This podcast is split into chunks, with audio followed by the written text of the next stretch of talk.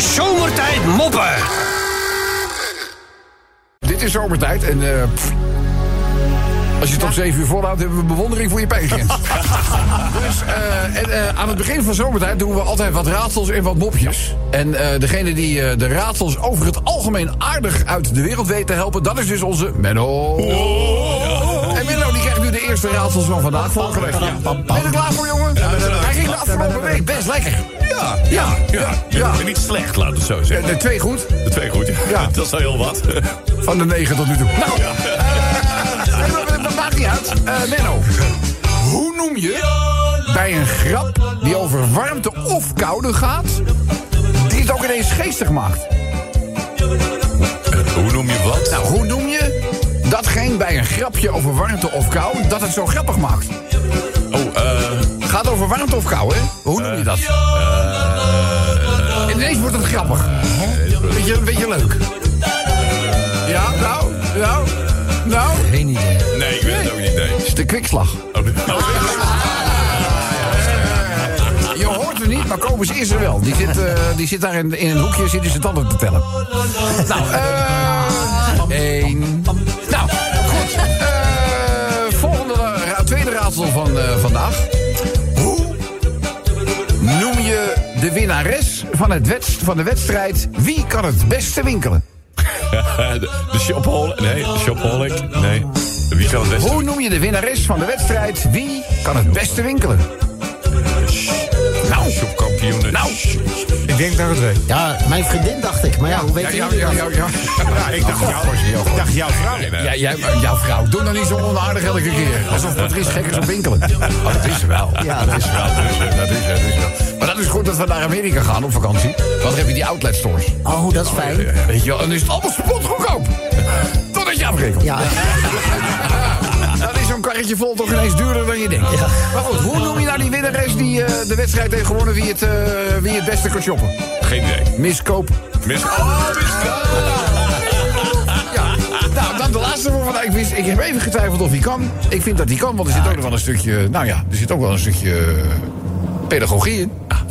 Hoe, Benno, noem je het geslachtsdeel van een vrouw...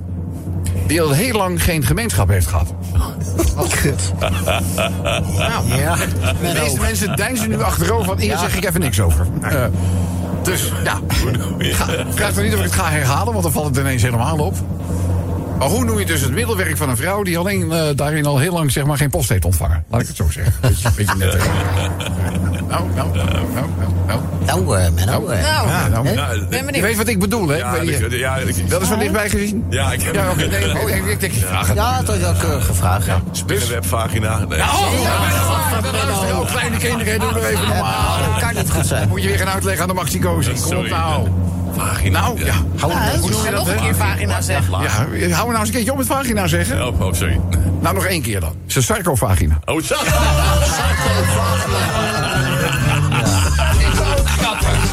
Weet je, je moet er nog wel niet zo zwaar aan tillen. hey, eh, dit is een, eh, een, een inzending van, ik denk, een Brit.